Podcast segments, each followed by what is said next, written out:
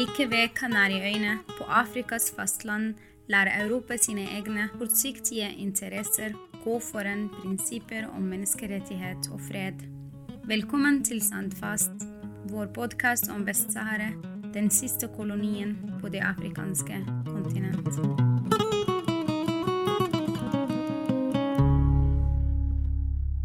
Visste du at en militær mur deler Vest-Sahara? Festningsverket, som er 2500 km lang, består av verdens største landminefelt og er like langt som Norge. Muren deler Vest-Saharas folk i to. Selv er jeg født i de saharawiske flyktningleirene øst for muren. Dagens gjest i vår podkast, Nezhel Khalidi, er født og bor på den okkuperte vestsiden. Nezha er journalist og vil fortelle om livet i det hermetisk lukkende okkuperte land. Hi, Nazha. Welcome. I'm very happy that you could join us today. Thank you very much. Um, Nazha, you are a journalist and member of the media organization Equipe Media. Could you just in the start give us a brief introduction about you and more about the situation in the occupied territories of Western Sahara? Thank you so much, uh, and thanks to the support committee for the great work they are doing to support the Sahrawi case uh, in Norway. My name is uh, Nazha Elkhalidi. I'm a human rights defender and journalist, uh, member with a group of media activists called Equipe Media, based in uh, Laayoune, the occupied territory. I was born uh, in here and uh, raised in uh. Uh, of course, we have zero rights in uh, our homeland because of the ongoing uh, illegal uh, occupation that oppressed the Sahrawi people. And the people um, are like showing up this through the peaceful resistance for many, many decades. Uh, of course, uh, Morocco is uh, not accepting this resistance and confront the peaceful struggle with the violence, taking people to the prisons, beating people in the public streets, and arrest people in the custody, to torture them, and of course sentence the activists and the ordinary people to many many years in the prisons. These uh, moments that I'm talking to you, there are several prominent Sahrawi human rights defenders uh, that are currently finding their home completely besieged by Moroccan forces, especially after the break uh, out of the restarting of the war and after Morocco violated the ceasefire so uh, Sahrawi people find themselves suffering in silence since there's no uh, press agencies uh, in the ground. No observers can report the situation of the human rights situation in the occupied territory and uh, Morocco is closing uh, the territory and just pursue the activists who try to uh, break this media and military blockade and try to share the informations with the international human rights organizations and with the observers. So Morocco is committed to uh, crimes against humanity, but nobody like uh, saying no and nobody stand against this abroad journalists reporting on the massive crackdown against Sahrawis in the occupied territories of Western Sahara, you are yourself facing repression and arbitrary arrest. Tell us more about your work. What are the challenges that you and your colleagues in Equipe Media, Nushata, and other media organizations are facing under the Moroccan occupation? Um, maybe the people when um, when like they hear that we are part of an organization they might like imagine that this organization has an office and that the, the members of this organization are like working freely but this is not true. It's like uh, the opposite uh, we don't have uh, like an office and we don't have space to work uh, freely. You know that morocco is forbidding us uh, from only meet each other and we are not allowed to just have a meeting in our houses. Morocco doesn't give us any like uh, authorization. I wouldn't say authorization, but yeah, give us like a freedom to work and uh, to um, express ourselves and to share the the truth.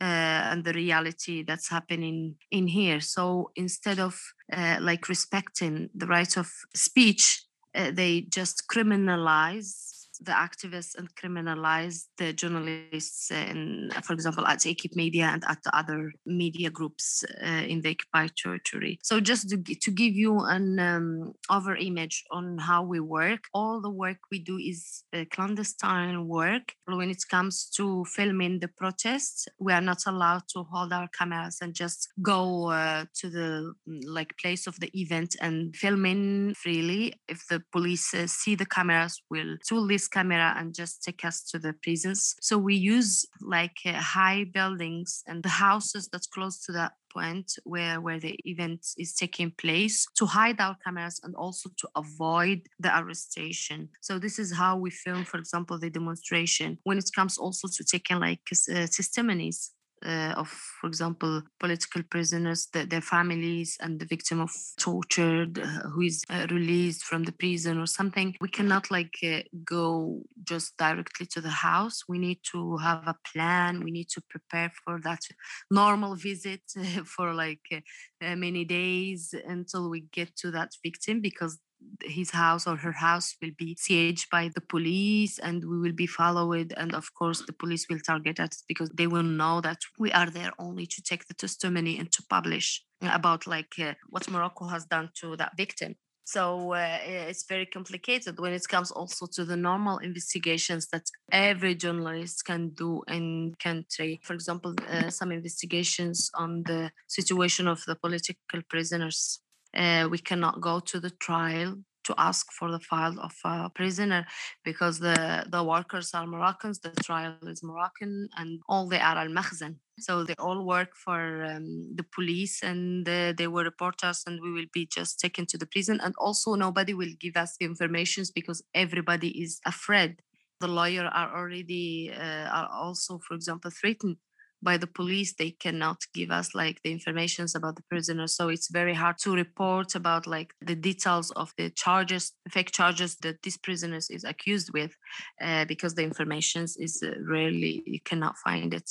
Uh, when it comes also the natural resources morocco is stealing bones for example of fish, phosphate, but nobody reports about this side, this side of one of the crimes that Morocco is doing the occupation is doing against uh, like the people here stealing their natural resources. You cannot go to the companies. We don't know where the companies are. We don't know that we know where they are but we're, we're not able to be close to that area we cannot meet these foreigners that work mm. for these companies and that own these companies. We cannot do any kind of investigation uh, on that. All the workers are moroccans and if you find only a few Sahrawis, they don't have the informations. They give them like positions that doesn't allow them to get like uh, sensitive informations that can because they they know that all Sahrawis are against these like uh, violations of the international law, and of course they can help activists with these informations. So the space of our work is very very limited. So Morocco like trying to make the informations less as much they can that's the information that we share with the world. Now we found ourselves like we can only film the demonstrations and the protests, but what about the investigation that can change the reality that can really expose Morocco? Could you tell more about your case? You are Sahrawi in occupied territories, you are a journalist and human rights defender.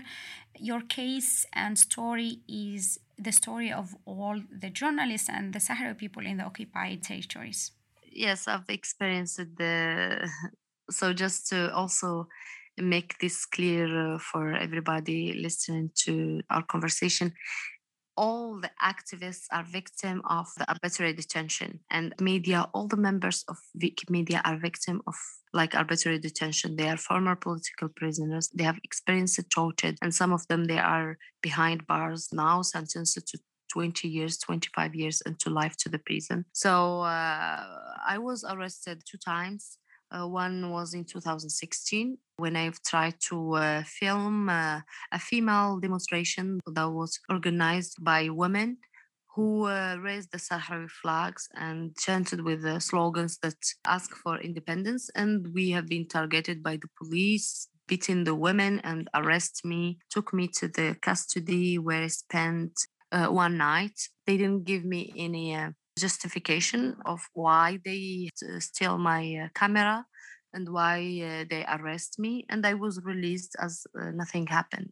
So uh, the second time was in 2018. It was during the negotiation between uh, Front Polisario and Morocco and then the people were supposed to uh, to protest in the street peacefully to uh, like support this peaceful negotiation and to also raise up their voices showing that they support the independence as a solution and nothing except uh, the independence. But unfortunately as every day and as all the time morocco take this uh, step of like uh, surrounding the streets surrounding the houses of the activists and um, i was determined to film how morocco is using like normal cars and how the police were like uh, with civilian clothing and trying to target the people uh, without let them know that they are the police. So uh, i raised my phone and i started a live streaming and i started filming uh, one of these cars. And then i was targeted by five police cars followed by them in the streets and they just ran after me beating me up in in the street and then took me to the custody and uh, my phone.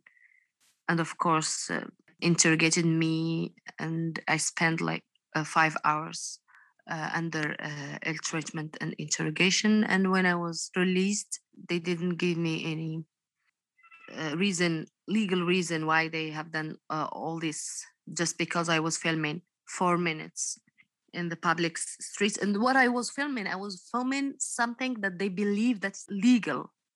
So why they they are afraid from this, like from being filmed? Did they give you back your phone? Uh, when I was released, they kept the phone.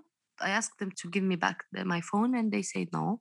We want this phone, and we will see what we will do. They promised that they will publish my personal information. They promised that they will publish my pictures, and they started uh, doing that actually. They started their media campaign against me, starting publishing using my personal information really uh, like uh, in a very bad way. And but then uh, after three months, they want to pressure me more and more. I didn't keep silent. I've already worked on the case uh, and I've already uh, communicated with the human rights organizations and stuff like that. Uh, after three months, I received uh, a call from the Moroccan uh, prosecutor who say that I am accused with a charge, which is filming mm. without having an authorization from the Moroccan administration. And this uh, charge regarding the Moroccan Penal Code, the punishment is being in the prison from three months to two years, with paying a fine or paying a fine. So actually, I was surprised because, I mean, uh, I was filming only four minutes, and I didn't like uh, share any personal informations about anybody. I didn't uh, do like anything things wrong. Mm. And then uh, my phone was stolen. I was beaten up in the street. I was taken to the custody. I was under threats. And then my personal information was published. And uh, their uh, articles that they publish about me, uh, every articles uh, at the end of it, they say we promise to also publish more and more. I was uh, through all this pressure, and at the end, they accused me with uh, this uh, accusation. We have talked about how female activists are targeted different ways than male activists using methods of targeting the girl's reputation for intimidation and i mean the only goal is to stop them from their activists. So you can listen more about this topic in our previous uh, show with Tuna. Exactly. It's just to intimidate me because they know the nature of uh, the Sahrawi mindset uh, society and that we are Muslim, uh, Arabic, uh, African from uh, third world countries you know society so that's why they uh, go through this because they know that the the woman is um, uh, a bit weak in these patriarchal societies so they know how to control them more and more uh, unfortunately but that didn't work. Uh, yes it works actually for a while but after that you understand and you used to it so that's why it didn't affect you anymore Uh, and uh, when I received this accusation, I had uh, this document from them, which is uh, the call for the trial. And actually, uh, it helps me a lot to convince the International Human Rights Organization to work on my case. This is how we put pressure on Morocco. It's our turn now. And this is how my colleague, my friends, and our friends in uh, Europe like save me from being in uh, the prison. Mm-hmm. And uh, at the end, the sentence was uh, paying a fine with uh, 400 euro. But I refused to pay this fine because I believe it's just legitimizing what uh, Morocco has done to me and legitimize this, um, I mean, illegal a punishment that Morocco is using to stop me from sharing the truth and from being a truthful journalist that only share what I live in my country. So I'm not going to pay this, and I believe that Morocco will take other measures to push me or to pressure me to pay this fine, but I will not pay uh, Morocco to do this again with someone else and to do this again to me. And more than this, I don't have a job. I've studied and I finished my study, and uh, I don't have a work because I'm in the blacklist for the Moroccan government, and I'm I, am i am not able to get a job. There is not a single university in Western Sahara. I mean, can you talk about the Sahara student situation and uh, what kind of opportunities they have after that they finish their education? So it is just uh, the, a part of uh, other side of our tragedy. Actually, as you say, the uh, you are able to study like uh, until high school in here, and then you, if you want to finish your study, you have to travel to uh, Morocco. And if you are there, uh, you are going to be selected in a few branch. Not all the, the branches and subjects you are able to study them and uh, when you are graduated uh, you are not able to get a master because you have to pay also uh, some uh, money so of course it's very hard for like uh, girls to travel since not all the sahrawi family accept their um, daughters to be in a foreign country in morocco which is not safe for uh, sahrawi men so that's how it can be for a woman like the moroccans uh, are victims, unfortunately, of the Moroccan propaganda about the whole conflicts and what's going on here. And they discriminate the people, unfortunately. And here we talk about mm, like the ordinary people in the public streets. If you are just walking around in Moroccan cities, you will be provoked by the people passing beside you, uh, saying mm. that Sahara is Moroccan, you are the enemy, go back to Polisario, and inside the universities, the administration uh, of the university are working for the police and the Moroccan service intelligence. The teachers are working for the police. They provoked you, the teachers, and give you like uh, like some uh, topic that talks about the Moroccan Sahara, for example and you have to deal with this. If not, then you are against the state and you will be in imprisonment and you will be targeted and you will fail in uh, your studying. It is clear as how the Moroccan regime treat the Sahrawis. But what about the ordinary Moroccans when you are studying in Moroccan universities in Moroccan cities? So I, I think that the who is benefiting from the occupations is the Moroccan settlers so the Moroccan settlers who are here, they studied the primary school, secondary school, high school, and when they finish their study, they go back to Morocco and they keep their like studying in a very comfortable uh, space. And when they finish, they come back to Western Sahara and they get a very good job. But for us, uh, no, we go to foreign country, we suffer a lot there, and you don't have money to to survive there you have to rent and not all Moroccans rent to you because you are Sahrawi. We can't end this uh, show today without talking about the COVID 19 impact on the occupied territories of Western Sahara. It has been over a year since the outbreak of the pandemic. I mean, more restricted rules have been implemented all over the world. In Norway, for example, uh, the people have very high level of trust in their government. People would follow all the recommendations because they know that these governments want their best or these restrictions are in their best interest. Unfortunately, it's not the situation in all over the world. There are some regimes that they are exploiting these rules to even more oppress people. Uh, isn't this the case also in the occupied territories? So, yes, actually, it's uh, the greatest problem now for us because Morocco is using this pandemic as an excuse. So uh, they can start the quarantine anytime they want uh, like the order to be inside homes at 9 p.m. and no uh, movements outside, sometime at 6 p.m. You know, so the people are just waiting for this uh, new prison, uh, new ways of the repression and when when Sahrawis heard about the outbreak of this pandemic in Spain, everybody were really worried, were really scared, and we keep ourselves inside, washing our hands all the time, like uh, keep our uh, ourselves isolated.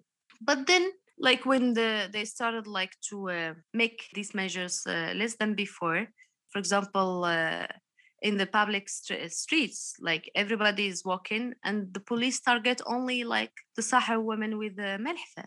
They the police came and target them and like just uh, beat them because they said that we have these rules to prevent you from being together because of the pandemic. Of course the pandemic is is really uh, this uh, i mean stressed us a lot because morocco has a really strong excuse now to just oppress people more and more the Morocco uh, really eliminates any kind of movements in the streets now.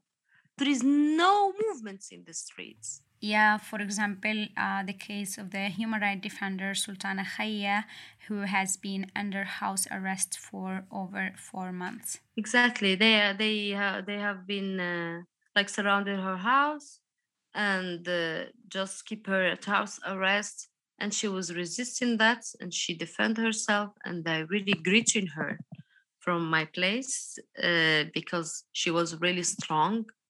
She raised the sahrawi flag. We haven't you know the sahrawi flag when you raised it it's just like for three minutes two minutes the police came and take it but sultana was keep it raised for uh, almost uh, five months now which is really great. But unfortunately, she was also victim of uh, beating. She was uh, about like losing her eye after she was hit by the police with uh, a stone. But she keep uh, struggling this. But the, the Sahrawis, you know, the Sahrawi are waiting only for spark. You know, the mm-hmm. Sahrawi have been oppressed for five decades now. Survivors from like uh, 16 years from the first disappearance. And they need just a spark you know? They need just like a small reason to just make this explosion and everybody will be in the streets. Hvis du vil lære mer om konflikten, gå til vest-sahara.no.